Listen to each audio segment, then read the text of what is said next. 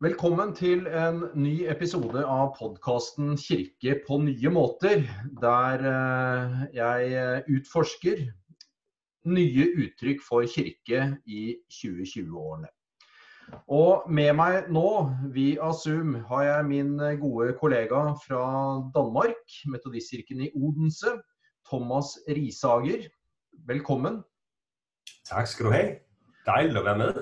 Det er flott eh, å ha deg med. og Jeg gleder meg til å høre mer om eh, både hvem du er, og ikke minst hva som har skjedd i Metodistkirken i Odense de siste 15-20 åra. For den menigheten har eh, gjennomgått en ganske stor forandring på disse årene.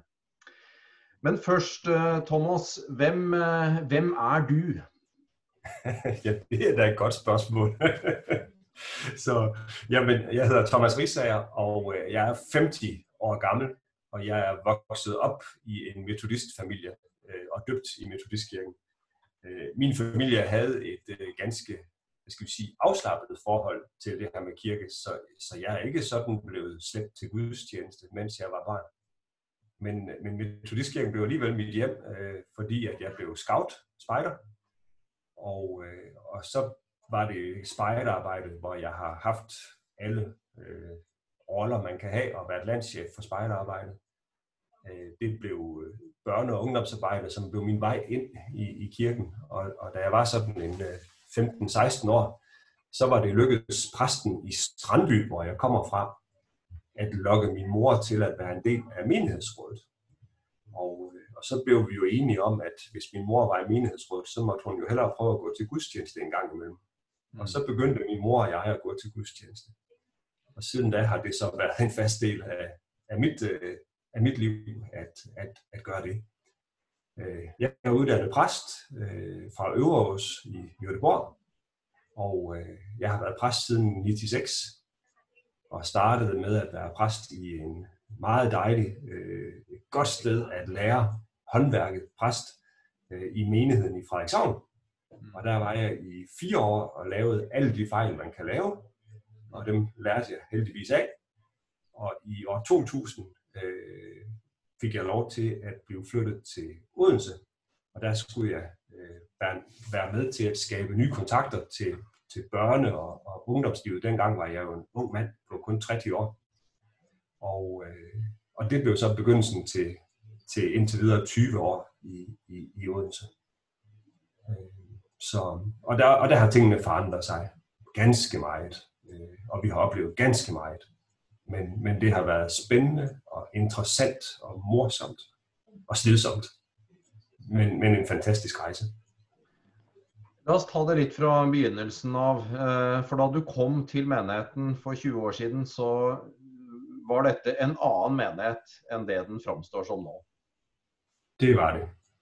Øh, det var en øh, traditionel øh, metodistkirke, hvor der var en, en meget dynamisk øh, præst, som havde fået menigheden til at bygge kirkerummet om. Øh, og det, og der var det super lækkert, eller det var et super lækkert, mm. øh, nyt, moderne øh, kirkerum. Der var gang i et øh, gospelkor-arbejde, hvor man pludselig havde nye mennesker i kirken, men øh, ret hurtigt i begyndelsen, jeg var her, så opstod der konflikter i, øh, i menigheden. Øh, og de konflikter involverede desværre øh, den anden præst, som var her.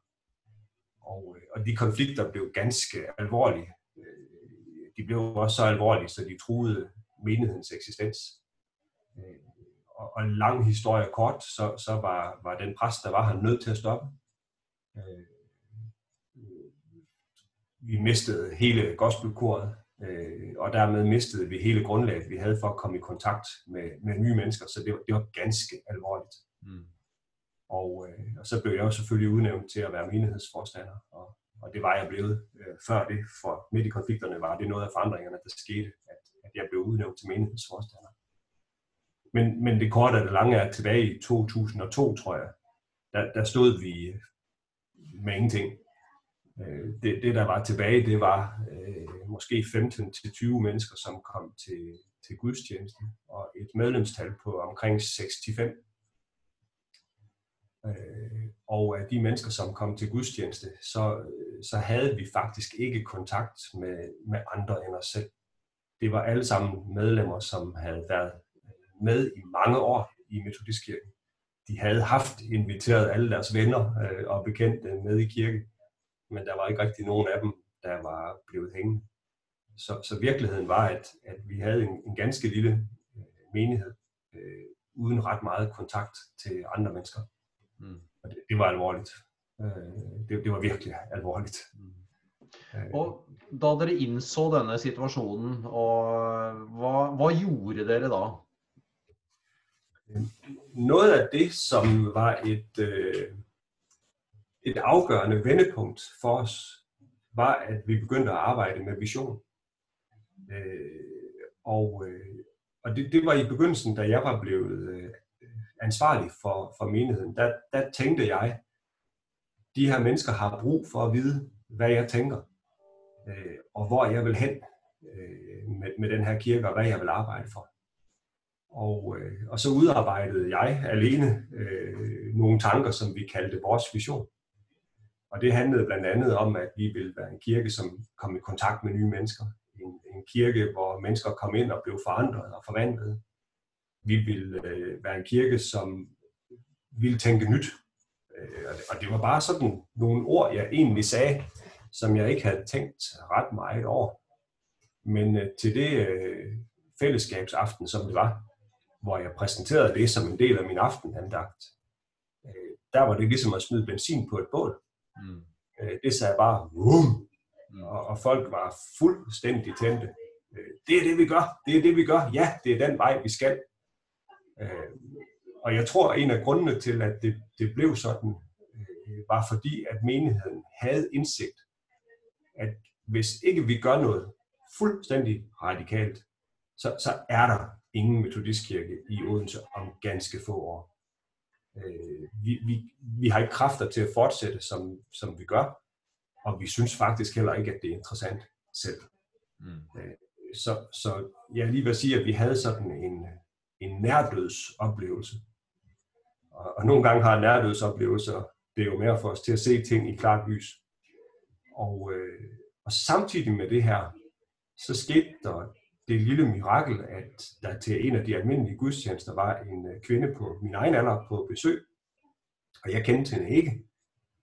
Øh, efter gudstjenesten, hvor jeg drak en kop kaffe sammen med hende, så siger hun til mig, ja, du, du kender mig ikke, men du skal vide, at jeg er uddannet pianist. Jeg har baggrund i en kirke. Øh, jeg er blevet skilt, så jeg står uden et kirkehjem, og jeg har meget stærkt på fornemmelsen, at jeg skal, jeg skal arbejde i jeres kirke. Og det kunne jeg da kun sige, øh, det skal vi da lige snakke lidt mere om. Ja, det lyder interessant. Mm. Og, øh, og det viste sig jo så, at hun faktisk øh, var i stand til at øh, lave gospelkor også. Og, øh, og vi havde jo faktisk lidt erfaringer med, at gospelkor var en måde at få nye mennesker ind i kirken på. Vi havde bare ikke noget kor længere, for det var forsvundet. Så vi bestemte os for at begynde forfra. Undskyld. Og øh, øh, min kone og jeg, Mette, øh, som jeg har været gift med i nogle af 20 år, vi øh, lavede plakater. Det var før sociale medier. Så vi lavede jo plakater og klæbede op i hele byen, og vi lavede løbesedler, som vi delte rundt med til de nærmeste 2.500 husstande omkring kirken. Og, øh, og første aften, hvor vi slog dørene op til det her nye kor, der vidste vi jo ikke, altså vi, vi anede jo ikke, hvordan det ville komme til at se ud vi var seks eller syv korsangere tilbage, som havde sagt til hinanden, vi skal have det her til at lykkes igen forfra. Øh, men der kom Syti den første aften. Mm. Og, og det var jo en fest øh, og en stor opmundring. Øh, og menigheden satte mig fri til at tage mig af de nye mennesker, fordi de godt vidste, at øh, hvis, hvis der skulle ske noget, så skulle der bygges på noget nyt. Så de gav egentlig afkald på, på alt det, de kendte. Mm. Øh, og meget hurtigt synes jeg, at, at jeg kunne mærke, at, at nogle af de her gospelfolk, de begyndte at komme til gudstjeneste. Og hver gang de kom til gudstjeneste, så fik jeg det dårligt.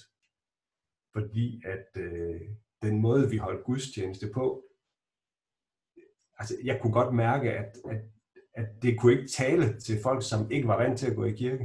Mm. Der var så meget indforstået, som jeg også elsker. Men, men det kunne ikke tale til, til dem, hvis de ville komme til gudstjeneste. Og det var en meget stor frustration for mig, at når vi havde koraftener, øh, hver tirsdag, tror jeg det var dengang, så begyndte jeg altid med at holde en lille andagt. Og den måde, jeg holdt den på over for dem, var helt anderledes, end den måde, jeg holdt den prædiken på søndag formiddag. Mm. Søndag formiddag, der var det, skal vi kalde det lecture, øh, mandag eller tirsdag, eller hvornår det nu var til kor, der var det sådan dialog og pingpong, og der var spørgsmål, og, og det var så forskelligt. Øh, så jeg blev klar over, at, at vores gudstjeneste kunne ikke nå, altså der, der var ingen connection points til de her gospelfolk. Og så begyndte vi med menighedsrådets samtykke at lave gudstjenesterne om og tænke, hvordan ser det her ud, hvis man er ny? Hvordan opleves det her? Og hver gang der var nye, så spurgte jeg dem simpelthen, hvordan har du fundet på, at du skulle komme til gudstjeneste? Hvordan virkede nadveren på dig? Hvordan, altså, så vi simpelthen hørte, mm. hvordan er det her? Og det, det var ganske barsk, for, for det var ikke altid positivt. vi synes, du var meget sød og rar, men, men nu skal du høre. Mm. Og det, men det var, det var toft, men det var, det var fint. Øh, så begyndte vi at invitere nogle af korsangerne til at komme og synge til gudstjenesten. Øh, så i stedet for post og præludium og noget musik ind midt i, så havde vi korsangere til at, at synge. Og det, hver gang vi inviterede en korsanger, så inviterede vedkommende jo en 5-6 af sine nye venner til at komme og høre, fordi nu skulle personen jo synge til gudstjeneste. Mm. Og på den måde oplevede vi, at der begyndte at komme nye mennesker til gudstjeneste. Og, øh, og så havde vi jo heldigvis fået lov til at, at lave tingene lidt om, øh, og gøre det lidt mere frit. Og det, var, det, det har været en gave. Og, øh, og, og øh, ja, i dag så er vi jo en kirke, der består af, af mennesker, som for en stor dels vedkommende måske aldrig rigtig havde tænkt, at de skulle begynde at komme i en kirke, eller være kristne, eller at gudstjenester skulle være en del af deres liv. Øh, og det er utrolig interessant, synes jeg. Og øh, så begyndte der jo at komme hjemmesider, og, og, og man begyndte at have en e-mail, hvor man kunne skrive til hinanden. Det er jo længe siden, jeg blev præst her. og øh, og vi var ret hurtige til at lave en hjemmeside. Det var faktisk rigtig hurtigt til. Og vi fandt hurtigt ud af, at når folk kom til os for enten at synge gospel, eller, eller komme til gudstjeneste, øh, for jeg blev ved med at spørge nye mennesker, hey, hvorfor er du her? Hvordan har du fundet frem til os? Jamen, så var det Google, og så var det hjemmesiden, som de har været inde på. Så det prioriterede vi lynhurtigt at være til stede på de sociale medier. Og det var faktisk sådan, at i, i 2004, det var længe siden, der vandt vi øh, konkurrencen om at være Danmarks bedste kirkelige hjemmeside, ja. som øh, Kristi øh, Dagblad øh, havde. Kristi Dagblad, det var modsvarende Dorgen i Norge, tror jeg. Mm. Øh, så så det, var, det var vi hurtigt til. Øh, det betød jo også, at nogle af dem, som vi tiltræk, var jo yngre mennesker, øh, som var på nettet og, og interesserede sig for det. Øh, men bare det at få lov at bruge energi, for eksempel på at lave hjemmeside, det var der jo ingen præster, der gjorde i 2003. Men, øh, men det gjorde jeg altså. Mm. Mm. På det du siger, så eh, Kanskje litt tilfeldig at det nettopp ble gospelmusikk som ble liksom deres vei. Men, øh, men dette har jo blitt veien og det som, som veldig mange forbinder menigheten med. Eh, og det er kanskje litt det derre å, å, finne en måte å, å, jobbe på som på en måte Det kunne godt vært noe annet, men, men det ble det. Og da har man jobba for å gjøre det så godt som mulig. Præcis. Altså, det er helt tilfældigt faktisk, at det blev gospelmusik. Had, altså, vi havde erfaringer med, at vi kom i kontakt med nye mennesker, men vi havde jo ikke noget. Og havde Helen Christina, som hun hedder, ikke stået i vores kirke og sagt, jeg tror, jeg skal arbejde her, så, så var det ikke blevet det. Mm. Men vi kunne jo bare se, og, og, og menigheden kunne se, hov, der samles jo øh, mange flere om tirsdagen til kor, end der gør om søndagen mm. til gudstjeneste. Det, det, det er vigtigt, at vi er godt til stede i det. Og, øh, og, og det betød jo så også, at de accepterede, at, at, at jeg brugte rigtig meget energi på at være med i det. Og havde du spurgt mig for 20 år siden, om jeg havde lyst til at synge gospel, så havde jeg sagt nej. Mm. Det er ikke mig. Det er det så blevet. det, det er det så blevet, fordi at øh, jeg opdagede jo glæden øh, ved at kunne få lov til at udtrykke sin tro og sine længsler ved at synge. Mm. Øh, og et eller andet sted, så har jeg jo også været øh, forundret over det her koncept med, at man kan have 100 kirkefremmede mennesker, og det, det er et dumt ord at bruge, men, men jeg har i mangel af bedre 100 kirkefremmede mennesker, som uge efter uge står og skråler bibeltekster mm. om tro og tvivl og længsler. Øh, det fascinerer mig, hvad er det, der sker her? Mm. Mm. Mm. Øh, så, så, men, men ja, det er et tilfælde. Øh, og man kan jo så også sige, at, at forsamlingen her fokuserer så meget på, på det, at der helt sikkert er ting, som vi kunne have gjort, som vi vælger ikke at gøre. Og det er der selvfølgelig nogen, der er ked af, og der er også nogen, der synes, at gospelmusik fylder alt for meget. Mm. Men, men igen, det har været vores måde at komme i kontakt med nye mennesker. Og, og så har det jo medført ganske store forandringer på øh, altså, hvordan hele menigheden er. Uh, hvis du på en måte skal gi en karakteristikk av uh, en typisk gudstjeneste hos dere, hva slags ord vil du bruke da for å si hvordan de er? Så vil jeg starte med at sige, at der er ikke noget, der hedder en typisk gudstjeneste.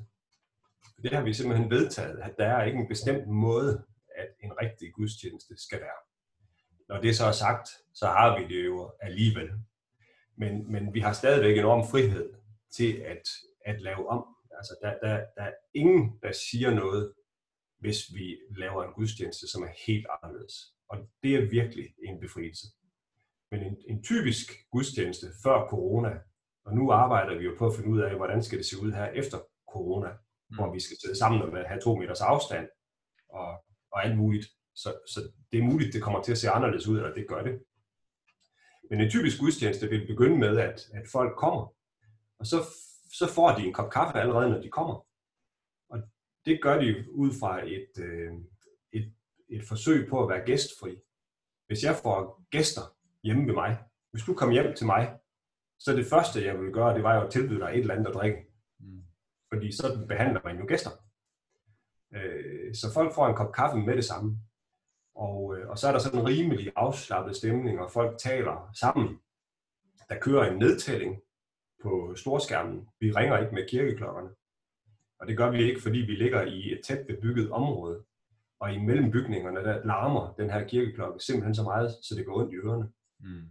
Okay. Øh, og så har det været svært at finde en frivillig, som synes, det var vigtigt nok til, at vedkommende ville gå op og rykke i snoren og ringe med klokken. Og så har vi bare tænkt, om så lader vi bare være med det. Det er jo heller ikke vigtigt. Øh, så det er sådan et eksempel på, når det er ikke vigtigt, så gør vi det ikke. Og så begynder musikken, og, øh, og det er ikke orgelmusik. Vi, vi har ikke et orgel længere. Og det har vi ikke, fordi at kirken var ofte øh, så fuld, at vi havde brug for den plads, som orgelet optog. Så vi pillede året ned for måske 15 år siden øh, og fjernede for at skabe plads på pulpituret i, i kirken. Så vi bruger udelukkende klaver. Øh, og, øh, og så er der som regel en eller anden sanger, der synger typisk en, en lovsangs, øh, Hillsong, et eller andet andet moderne, som passer til temaet som fra gudstjenesten. Og, øh, og så har folk efterhånden fundet deres pladser, og nogen sidder stadigvæk og drikker kaffe øh, så vil der typisk være en, øh, en velkommen og en introduktion til, til temaet. Så vil vi typisk synge en, en salme, altså en af de helt almindelige salmer, men med klaverledsagelse, og hvis vi er rigtig heldige, så har vi også måske en, der er lidt med på trommer eller bas. Men det er faktisk ikke så ofte, som jeg gerne vil have. Mm. Oftest er det kun klaveret. Og øh, så vil der være en bøn og fader hvor. Og så er der plads til børnene, hvor vi har noget indledning til børnekirken, øh, hvor de kommer op foran, og, og vi har en samtale med børnene, inden de bliver sendt op på tredje sal til børnekirken. Så nævner vi ultrakort, hvad der skal ske i den kommende tid, og henviser folk til hjemmesiden, for det er der informationer skal findes. Så vil der være en, en salme og noget indsamling, og så en bibeltekst. Og jeg lægger næsten altid kun en nytestamentekst. næsten altid kun den tekst, jeg taler over. Og så taler jeg direkte på efter den. Og øh, så vil der måske være noget salme her, men det er ikke sikkert. Så har vi øh, stor værdi i, at der er refleksionstid. Vi kalder det bøn og lys. Og, og det, har, det har vi, fordi at ret tidligt i begyndelsen, da der kom nye mennesker i kirke, og vi prøvede en dag at give folk muligheden for at tænde lys, øh, når vi skulle bede, i stedet for at præsten bare bad. Så var det noget af det, der var meget positiv respons på blandt nye mennesker. Så derfor har vi det. Øh, så der, der er musik, og der er mulighed for at gå frem til alderet og tænde et lys, knæle ned, hvis man vil. Nogle gange har vi noget kreativt med at skrive bønnelapper, eller hvad ved jeg. Øh, og typisk der vil der være en sang mere fra en af korsangerne. Hvis vi har nadver, så foregår det samtidig med på det her tidspunkt i gudstjenesten. Og øh, så vil der typisk være en, en salme mere, og så synger vi velsignelsen på en melodi af Hans Christian Joachimsen. Mm. Og, øh, og før corona, der tog vi hinanden i hænderne mm. øh, og, for, og signalerede fællesskab og sammenhold. Og så vil der typisk være øh, en sang mere fra endnu en af de her korsanger mod slutningen af gudstjenesten. Så det er jo i virkeligheden ret traditionelt, men, men, men måden det foregår på er meget uformel. Mm. Og, øh, og hvis der er en, der har et spørgsmål under prædiken, så, så er det helt klart lagt op til, at man kan række hånden op og sige, hey Thomas, jeg forstod ikke lige, kan du forklare det? Mm. Øh, og det kan folk godt finde på, og det synes jeg er super dejligt. Mm. Mm. Så vi forsøger at have en, en højtidlig, men meget afslappet atmosfære. Men når det så er sagt, så har jeg stadigvæk præstedragt og alt det her på. Øh, som, øh, så der er jo ingen revolution, kan man sige, andet end vi inddrager nye mennesker i vores gudstjeneste. Øh, det er sådan set det eneste, der er revolutionen, tænker jeg, at vi inddrager nye mennesker. Så vi venter ikke på, at folk øh, bliver kristne eller bliver medlemmer af kirken, for at de er med i gudstjenesten. Det er de ret hurtigt. Hvis de kan synge, så er de med mm. til at lave gudstjeneste. Øh, og, det, det, så må, og så får vi se, om, om de på et tidspunkt kommer til at tro, eller får lyst til at være med i kirken, eller, eller hvad ved jeg. Mm. Og, øh, men det betyder også, at, at, at når man har gudstjeneste her som, som præst eller lægprædikant, så er man hele tiden bevidst om, at der er mennesker, for hvem det her er nyt til stede. Og der er mennesker, som ikke ved, hvad vi taler om, når vi siger, som Paulus siger i Romerbrevet, så er det sådan. Det, det kan vi ikke sige, mm. fordi det vil vi være nødt til at forklare. Øh, et, et kritikpunkt, og et rimeligt kritikpunkt er, at vi er ikke så dygtige til at lave gudstjeneste til dem, som er kristne, og dem, som har været en del af kirken i mange år. Mm. Men vi er ret dygtige til at gøre det over for nye mennesker. Mm. Mm. Derfor forsøger vi at få vores erfarne mennesker med i smågrupper. Ja. Øh, og det lykkes vi i varierende grad med. Men det er en vigtig del af, af, af kirken, at hvis du er en del af kirken, så skal du i en smågruppe. Og så har vi, fordi vi altid har nye mennesker, så kører vi hver sæson et forløb, vi kalder Vejen, som er en slags alfa-kursus, kan man sige, for nye kristne. Og, og det, det, det udbydes helt fast hvert forår, hvert efterår. Og det, og det er også et krav, at man har været med på det, inden man bliver medlem af kirken. Okay. Mm. Så, så der, der er virkelig ingen revolution knyttet. Det er faktisk ganske kedeligt. Der er i virkeligheden ingen revolution. Altså, det, det er der jo ikke, faktisk. Men samtidig eh, veldig kulturrelevant, da. Jo, jo. Mm. Jo, jo. Jo, jo altså hvis, hvis jeg holder en prædiken, som ikke har noget at sige ind i hverdagen i 2020, mm. det er spild af tid, synes jeg. Øh, og det er jo spændende at høre lidt, hvad som forkynner uh, i en sådan sammenhæng. Hva, hvordan vil du karakterisere din forkynnelse og dig som forkynner? Øj, det er svært. Uh, åh, det er svært. Altså noget af det, coronakrisen har gjort, er jo, at man pludselig ser sig selv på video. Mm. Øh,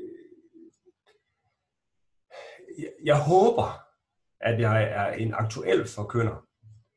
Øh, jeg gør meget ud af at følge med i, i medierne og i politik. Øh, gør meget ud af at, at læse et par aviser hver dag, så jeg har en eller anden idé om, hvad der foregår i vores verden. Øh, så jeg vil rigtig meget håbe, at, at den forkyndelse, jeg har, har et afsæt eller en tilgang til de problemstillinger, som vi står i her og nu. Mm. Mm.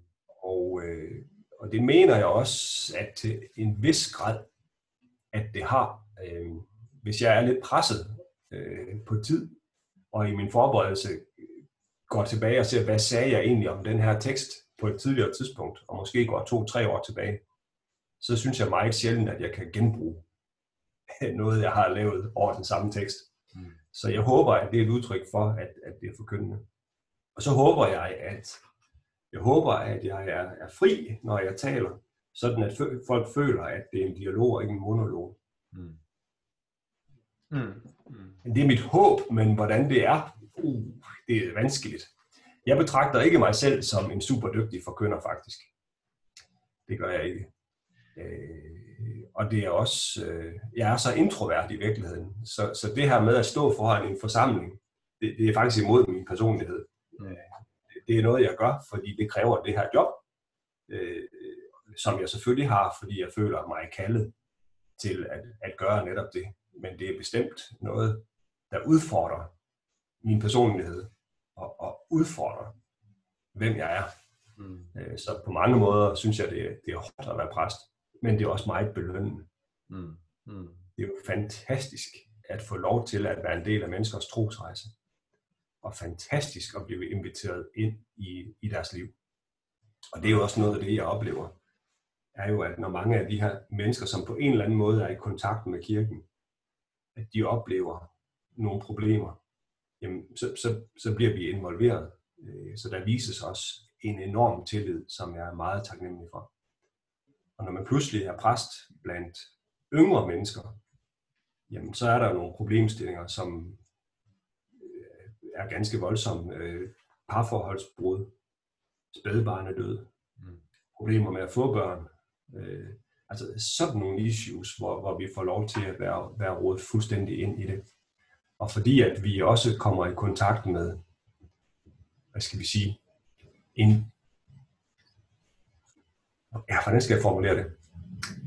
Vi er i kontakt med stort set alle aspekter af samfundet så betyder det også, at vi får alle mulige interessante øh, opgaver øh, inden for døren.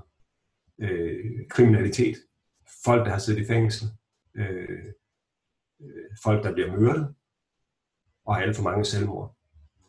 Øh, så vi, vi har virkelig måttet øh, arbejde med, med, med alle livets aspekter.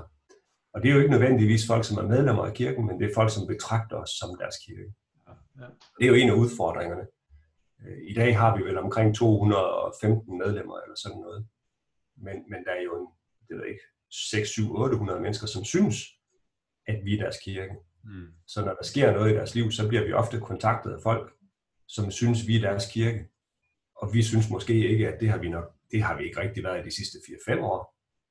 Men, men det er vi i folks bevidsthed. Så noget af det, som, som som vi har lært og siger til hinanden tit, min kollega Maria og, og jeg, det er, at vi må aldrig undervurdere, hvor stor betydning kirken har i folks liv, selvom vi ikke synes, vi kan se det i deres engagement. Mm. Mm. Det må vi aldrig undervurdere. Jeg har sett litt på en del av de grunnlagsdokumentene som dere har. Eh, og dere har jobba en del med visjoner og eh, formuleringer av hva dere vil være som kirke. Og jeg syns jo dere har en del spennende formuleringer som ligger her, og som jeg også tenker at eh, reflekterer veldig mye av det du sier nå. F.eks. Uh, visjonen hvor, hvor, dere skriver og Nå blir det litt sånn blanding av dansk og norsk her. men vi vil være kirke på forkant. Kirke med mangfoldige, åpne fellesskap og et handlekraftig sosialt engasjement. Og videre, vi vil utfordre oss selv til å skape og være kirke på nye måter. Vi vil framelske og styrke mangfoldige, sterke fellesskap som tar utgangspunkt i Jesu nestekjærlighetsbud. Med mangfoldighet mener vi diversitet og likeverd på tvers av kulturelle og sosiale bakgrunner, seksualitet, generasjoner, personlige verdier samt tvil og tro. Og vi vil flytte vårt fokus utad og modig sette våre felles ressurser mer i spill overfor utsatte mennesker og grupper. Både gjennom kontinuerlige og enkeltstående aktiviteter. Vi skal i bunn og grunn sette et større avtrykk i menneskers liv og vårt lokalsamfunn. Vårt økende sosiale engasjement skal også komme til uttrykk i en mer ambisiøs innsats omkring klima og miljø. Dette er jo flotte formuleringer. Eh, og jeg tenker jo eh, Og mer enn det også. Altså jeg tenker at dette er eh, verdier, fokus, som lever i menigheten. Eh, og det aner meg jo at bak disse formuleringene så ligger det fryktelig spennende sånn prosesser med å tenke hva slags kirke dere skal være. Kan du bekrefte det? Det kan jeg bekrefte.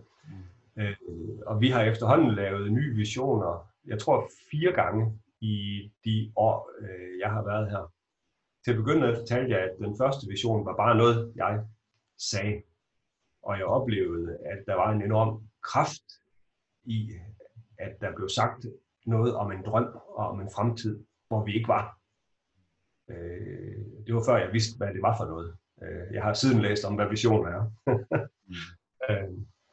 og, og så har vi også oplevet, øh, at, øh, at der har været behov for at lave en ny vision. Øh, og det har vi oplevet tre gange, øh, fordi at vi har oplevet, at vi opnåede det, som vi drømte om, og det, som vi troede var en uopnåelig drøm, som vi beskrev i vores visioner. Og, øh, og noget af det, som jeg tydeligst lægger mærke til, når visionerne er ved at være opfyldt, det er, at så begynder vi at være optaget af os selv så begynder vi at stille spørgsmålstegn til, skal vi have tre salmer eller to salmer til gudstjenesterne? Mm. Mm. Øh, skal præsten følge tekstrækken? Mm. Øh, er det nu en god idé at holde temaprædikenserier? Så, så bliver vi indadvendte og fokuseret på, på vores behov, i stedet for at være drevet af andet end os selv. Og så er det altid tid at lave en ny vision. Og hver gang vi har gjort det, så har vi haft øh, inspirationsdage, hvor vi har inviteret alle til at være med. Og det er meget vigtigt for os, at, at visionerne ikke er udarbejdet af medlemmerne, men af alle brugere på en eller anden måde af kirken. Øh, og det betyder også, at øh, rundt omkring kirken her, der bor der nogle mennesker, som kommer i kirke juleaften, and that's it. Dem har jeg været over at ringe på og spørge, vi skal udarbejde en ny vision, vi kunne egentlig godt tænke os at høre dit input. Vil du gerne være med? Mm. Det har jeg ikke fået ja til endnu. Men, men, men tanken er, at, at folk, som er perifere i kirken, i høj grad skal være med til at forme fremtiden. Fordi det er vigtigt for os, at fremtidens kirker, måden vi tænker og arbejder på, er drevet af nye menneskers tankegang. Mm. Det er helt utroligt vigtigt. Så derfor er der altid en proces, hvor vi har noget, en inspirationsdag, hvor vi bryder ud i grupper og, og, og brainstormer og arbejder på, hvordan kunne fremtiden komme til at se ud. Og det er klart, at dem, som har med musikken at gøre, og gospelkorene at gøre, vi drømmer måske om nogle andre ting, end, end dem, som er 70 plus. Men vi forsøger at, at høre alle grupperinger, og så få det samlet sammen. Og så er vi altid... Øh, jeg har aldrig selv været i spidsen for de her visionsprocesser. Det har jeg altid overladt til andre. Mm. Øh, og det har jeg, fordi at, at jeg synes, at jeg som leder skal passe på med, at det bliver min agenda. Det skal være forsamlingens agenda. Og derfor er jeg også altid nervøs op til, at vi skal vedtage en ny vision. For hvis ikke jeg kan genkende mig selv i det, så skal jeg jo finde et andet sted at være præst. Mm. Mm. Så, så jeg, jeg giver det på en måde fra mig. Og, hvis jeg synes, at øh, jamen det her kan jeg godt genkende, det her kan jeg godt mærke er mit også, så, så er jeg på og, og arbejder øh, for det. Så der ligger i høj grad processer øh, bagved. Øh, og, og det her med at være kirke på forkant, det vedtog vi 1. marts. på vores øh, årsmøde. Jeg tror ikke, vi havde nogen idé om, hvad det betød. Men så kom corona. og, øh, og det betyder jo, at vi øh, lynhurtigt, øh, synes jeg selv, øh, var hurtige til at være til stede med online gudstjenester og, og alt muligt. Og det er ganske primitivt. Øh, men, men vi har faktisk lykkes med at holde gudstjeneste hver søndag øh, online, selvom vi ikke kunne. Og til vores store forbavselse har vi jo opdaget, hvor mange mennesker, som er med online. Og hvor mange, som vi egentlig ikke ser om søndagen til gudstjenester, som er med online. Så, så nu er det helt klart, at vi kommer til at være til stede online fremadrettet. Og det havde vi ikke budgetteret med. Så vi har sat en indsamling i gang, så vi kan få købt udstyr. Og, og, og der er faktisk mennesker, som donerer ganske substantielle beløb ind i at, at få det til at fungere. Mm. Øh, så, så der er jo altså også en menighed her, synes jeg, som er meget omstillingsparat og er villig til at sige, okay, vi skal den vej nu, fordi verden forandrer sig for få måneder siden, så gør vi det, og så er man villig til at ofre. Og det er, det er jo et fantastisk spændende miljø at få lov til at være præst i, synes jeg. Mm. Det er dybt taknemmelig over. En anden ting, vi har gjort nyt, som er faktisk rigtig væsentlig. Øh, I mange år øh, havde jeg den samme menighedsrådsformand her. Et rigtig, rigtig dygtigt menneske. Øh, og, og hende har jeg arbejdet sammen med igennem alle de forandringer, Øh, vi har haft. Og jeg tror, hun havde været menighedsrådsformand måske i 12 eller 13 år, da hun for, for tre år siden, tror jeg, besluttede, at nu var det tid at, øh, at give plads til hinanden. Og der, der havde vi i menighedsrådet en, en drøftelse. For det letteste ville jo være at finde en, som vidste, hvordan man gør. Som var, havde den her metodistkirke DNA i sig. Og, og mit input på det var, tænk hvis vi kan få en af dem, som er ny, som er kommet ind igennem alle de her forandringer, vi har været, til at være menighedsrådsformand og lede vores menighed. En, som stadigvæk kan huske, hvordan det er at være ny og komme hertil. Og, og, og det, det gik øh, forsamlingsrådet med til. Og, øh, og vi fandt øh, så en, der har været medlem af kirken måske i, i, i seks år eller sådan noget, som er vores nuværende menighedsrådsformand. Og det er simpelthen en gave, at, at have et, øh, en menighedsrådsleder, som, som ikke ved, hvordan vi plejer at gøre, og hvordan det er den rigtige metodistmåde at gøre tingene på, men som kaster bolden op på en ny måde. Og, og nogle gange så er det mig, som sidder og tænker, nej, nej, nej, sådan kan vi jo ikke gøre, fordi det plejer vi jo ikke. Og så må jeg lige tænke, tag det roligt, Thomas. Hør efter, hvad hun siger. Tag det roligt. Hør efter, hvad hun siger. Okay, der er måske, det er meget, meget godt, det her. Men det, det er faktisk noget af det vigtigste, vi har gjort. At, at, at øh, hvad skal vi sige, den allermest etablerede del af kirken har sluppet har sluppet øh, sine privilegier og sin, sit, sit ønske om at lede og overladt det til, til nogle af dem, som er nye. Og det, det er faktisk øh, det er nok det vigtigste beslutning, vi har taget i de sidste mange år. Mm. Øh, det er det. Er en sånn dristighet og mot som ligger i det, som, eh, som kanskje også handler om dette med å, ja, som du sier, slippe grepet, men også Eh, også på en måte i erkjennelsen av at, liksom, at framtida er ukjent på en måte. Og skal vi gå inn i den, så må vi på en måte slippe noen av, noe av taket. Eh, og på en måte hengi oss litt eh, til hva framtida vil, eh, vil, bringe, da, rett og slett. Og for å klare å være til stede i her og nå, og ikke i en eller annen eh, fortid som vi, som vi har noen idealer om, på en måte. Absolutt. Mm. Mm. Og, og, så, og så er vi jo så bare et nytt sted igjen fordi at øh, nu er kirken åben, men der kan maks være 40 mennesker i vores lille kirke her. Mm. Og, og nogle gange har vi jo været 250. Ja, klart. Og, og, og de dage, hvor det kommer til at ske igen, de virker langt væk. Mm. Mm. Det virker, lige nu virker det helt utænkbart, mm. at, at komme der til igen. Så, så nu er vi jo lige pludselig et nyt sted, og skal finde vej i det. Mm. Øh, det er jeg nu ganske sikker på, at vi nok skal finde ud af. Men, men, men det, det, er virke, det er bare anderledes tider igen. Mm. Mm. Det, det er det. Øh, og samtidig så har vores metodistkirke jo travlt med at diskutere alle mulige ting, som virker ganske urelevant. Mm. for os her i Odense. Mm. Mm. Øh, øh, når det så er sagt, så har vi jo haft, altså vi, vi, vi, vi har mennesker af alle slags observanser. Øh, både seksualitet og politisk og, og alt muligt. Og det giver ingen problemer for os. Overhovedet. Det, det gør det ikke. Øh, så, så det vil være synd at sige, at vores kirke er en homogen gruppe. Det giver også nogle gange nogle udfordringer og nogle mm. problemer. Mm. Øh, mm. Og det giver også helt klart nogle udfordringer og problemer med, med nye ledere, som, hvad skal vi sige, ikke er opdraget i kirken, og derfor ikke har nogen forventning til, hvordan man som kirkeleder gør eller opfører sig. Mm. Mm. Øh, men det, det er dejlige udfordringer. Mm. Det er spændende udfordringer. Absolut.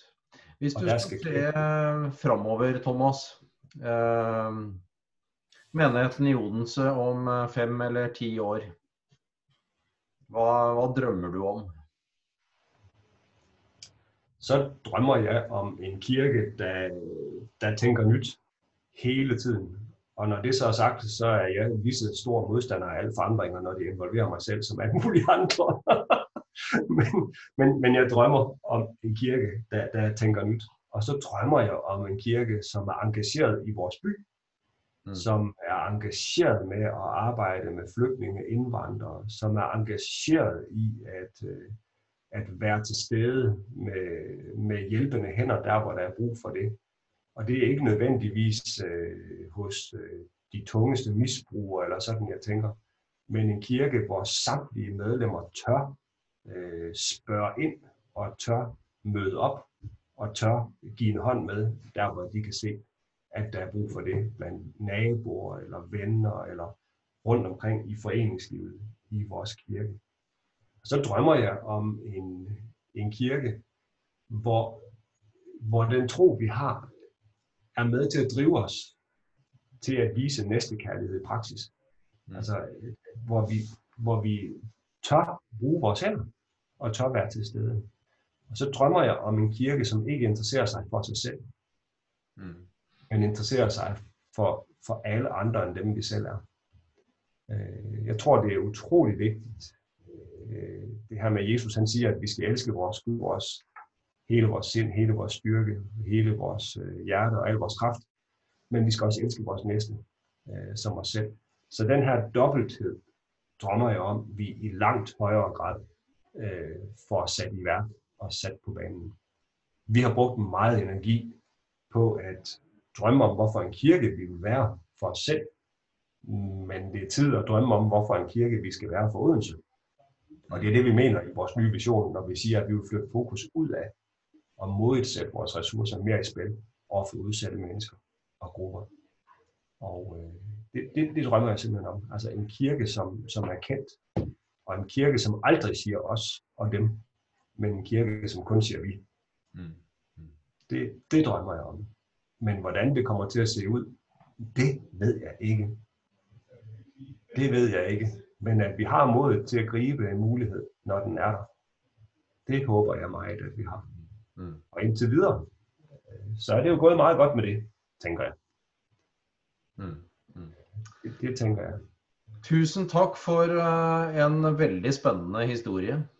Det er inspirerende å høre på, og jeg tenker til eksempel for, eh, for mange andre også. Det er mye å hente. Vi kan aldri kopiere, men vi kan lære. Eh, og takk for at du hadde tid til å dele dette med, med meg nå.